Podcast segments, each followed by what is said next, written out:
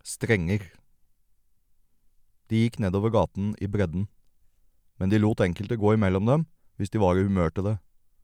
Markus gikk alltid nærmest veggen hvis det var en vegg å gå inntil, og Robert var på samme måte med bilveien hvis det var sånn at det var bilvei. I midten gikk Tom. Tom gikk i midten uansett, og nesten alltid et halvt skritt foran, på grunn av de lange beina. Og Andy gikk som følge av at Robert og Markus hadde henholdsvis veien og veggen ved siden av Tom. Andy var sånn sett en slags høyre hånd, hvis det at Tom gikk i midten og alltid litt foran, innebar at han var en slags leder. Men de hadde ikke noen leder, så sånn var det ikke. Andy var altså ikke høyrehånden til noen. Men han var den som oftest lot noen, som kom imot på fortauet, smette imellom dem. Mellom han og Tom, der var det ikke mulig å komme gjennom, så Andy ga litt plass ved å ta et par skritt halvt bak Tom, og Robert ga litt ved å ta litt av veien, men vanligvis fikk folk bare krysse over, ta andre siden av gaten, eller skvise seg mot en døråpning hvis det lot seg gjøre. De fleste krysset over på andre siden av gaten, forsøkte ikke å presse seg mellom dem i det hele tatt. Når de ikke var i byen, hang de hos Tom. Faren hans var ofte der også, men ikke i dag. Onkelen til Tom var også ofte der. Var alltid der, faktisk. Onkel var vietnameser, og derfor var Tom det også, selv om han het Tom og ikke så spesielt vietnamesisk ut. Onkel satt på parkbenken som de hadde stjålet en natt på fylla. Han satt på ryggstøen, beina på setet, la igjen store, gjørmete flekker som tørket og ble lysebrunt støv. Hvis du glemte deg bort og satte deg i det, fikk du merker i ræva så det så ut som du hadde driti på deg. Onkel spurte, Dere kids, dere tar ikke noe drit.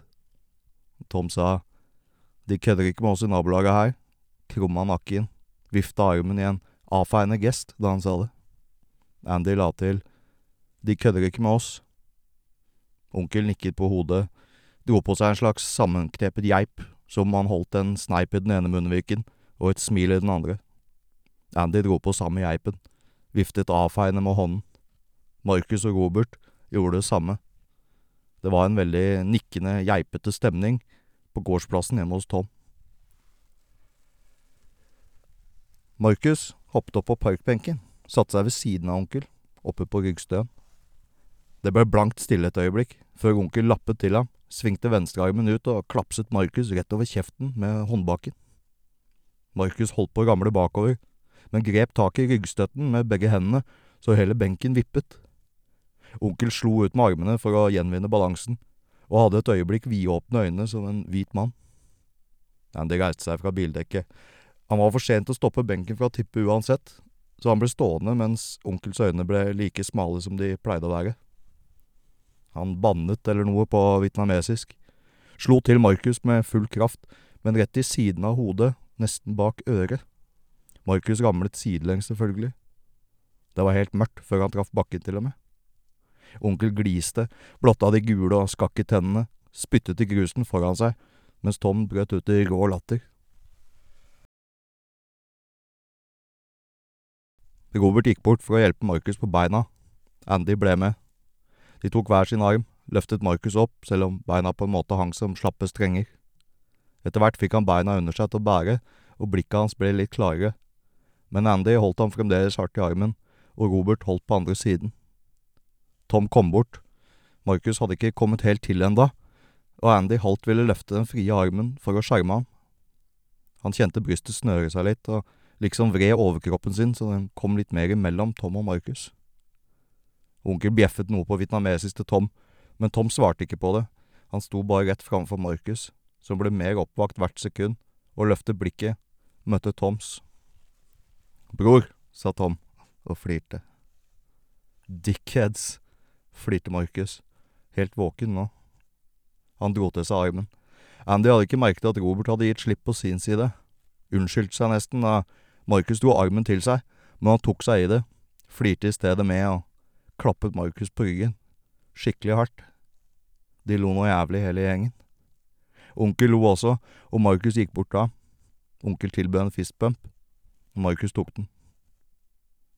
Andy vurderte om han skulle unnskylde seg og gå. Gutta ble stående i en slags halvsirkel rundt benken, og Andy var allerede litt utenfor. Alle sammen, Tom, Robert og Markus, sto med en fot hver på benken, mens onkel satt på ryggstøen og Andy bakket unna et skritt eller to. Han løftet armen, tenkte han skulle si senere, boys, eller noe sånt, men onkel møtte plutselig blikket hans i øyekroken, og det ble stille på benken. Du, bjeffet onkel. Det betydde ikke noe spesielt at onkel bjeffet. Han bjeffet kommandoer dagen lang, enten til søsteren sin eller til mannen hennes, faren til Tom, eller til oss.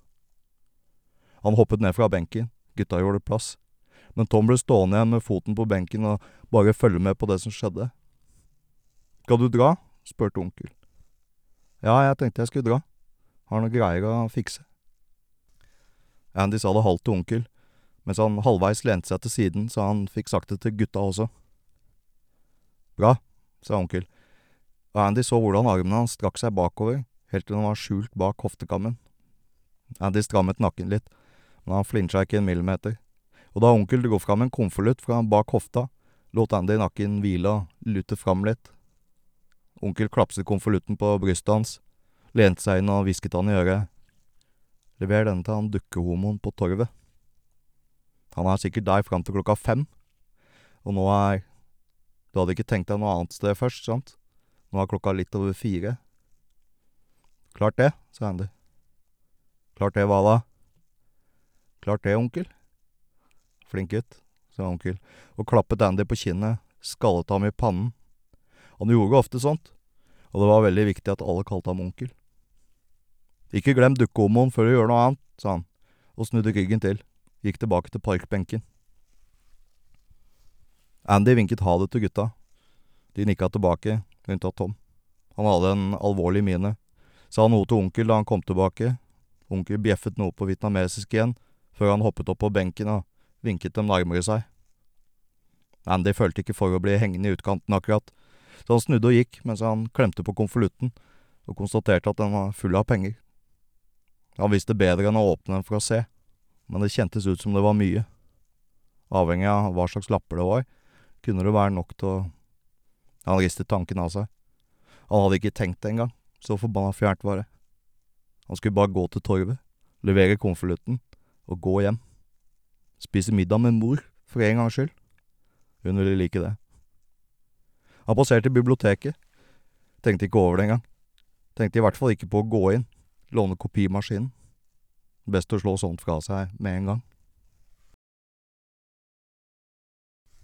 Det var tynt med folk på torvet, og det passet jo bra. Få mennesker som sto rundt dukkemesteren. Han var vel omreisende, men Andy hadde sett ham der mange ganger tidligere, i hvert fall om sommeren. Han var full av tatoveringer og glattbarbert på skallen. Andy tuslet bort, ble stående og se på showet. Dukken var en yngre versjon av dukkemesteren. Den danset til muntre barnetoner. Ikke sanger Andy kjente fra før, men sikkert kjente barnesanger i Russland. Andy visste dukkemesteren kom derifra, for han kjente igjen noen ord i en av tatoveringene hans, og Andy kunne litt russisk. Dukken danset med livsgnist og lett, som om den var vektløs. Man kunne fort glemme at den hang i trådene til dukkemesteren. Så flytende og grasiøst danset den. Så byttet dykkemesteren den ut.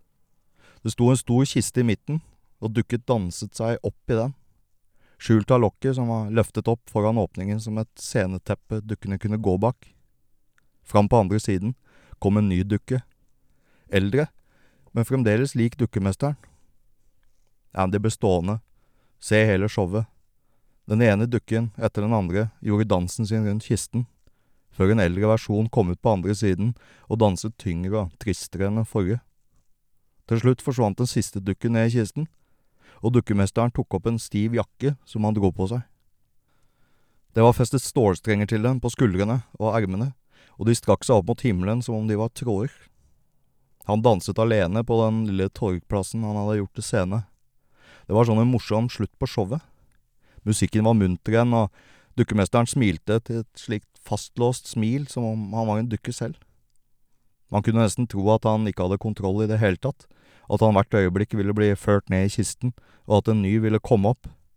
Men etter at dansen hadde vart en stund, bygget det seg opp til et crescendo, og dukkemesteren slo armene ut i en finale, byttet det fastlåste dukkesmilet ut med et ekte idet musikken stoppet. Andy klappet. Det sto et par andre der som også klappet. Noen pyttet et par mynter i kassen. Andy ble stående igjen. Da alle hadde gått fram, trakk han fram konvolutten, ga den til dukkemesteren. Fra onkel, sa han. Dukkemesteren så skeptisk på ham, målte ham opp og ned før han nappet konvolutten til seg og kastet den i kassen. Da han så at Andy ble hengende, liksom ikke fikk fart på beina, viftet han med hånden, himlet med øyenbrynene som for å si Hva gjør du her igjen, da? Showet er over. Så Andy gikk. Fra nede i enden av torvet hørte han bildekk som skrenset og hvinte. Han snudde seg. Det veltet tre menn ut av en gammel Audi. Dukkehomoen forsøkte å trekke unna, løfte armene for å forsvare seg, men de var over ham på et øyeblikk, maskerte og med svarte hansker på knyttnevene.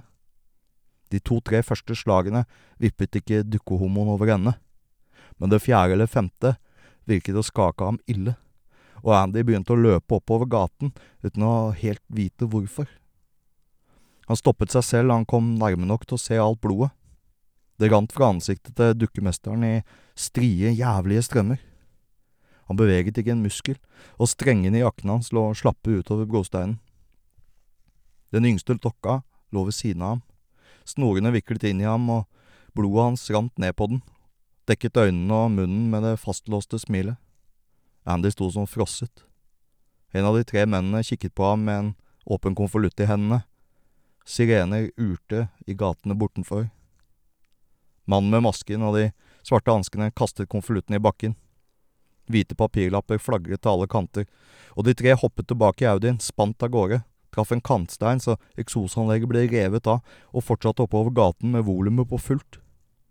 De blå lysene dundret ut fra sidegaten, bare fulgte lyden, hadde mye høyere fart enn Audien, og før Andy snudde og løp derifra, så fort han kunne, så han de blå lysene presse Audien av veien. Den buldrende motorlyden druknet i sirener. Andy kikket seg ikke tilbake. Han bare løp da han kjente smak av blod i munnen, og beina føltes lette, som om de hang i tråder.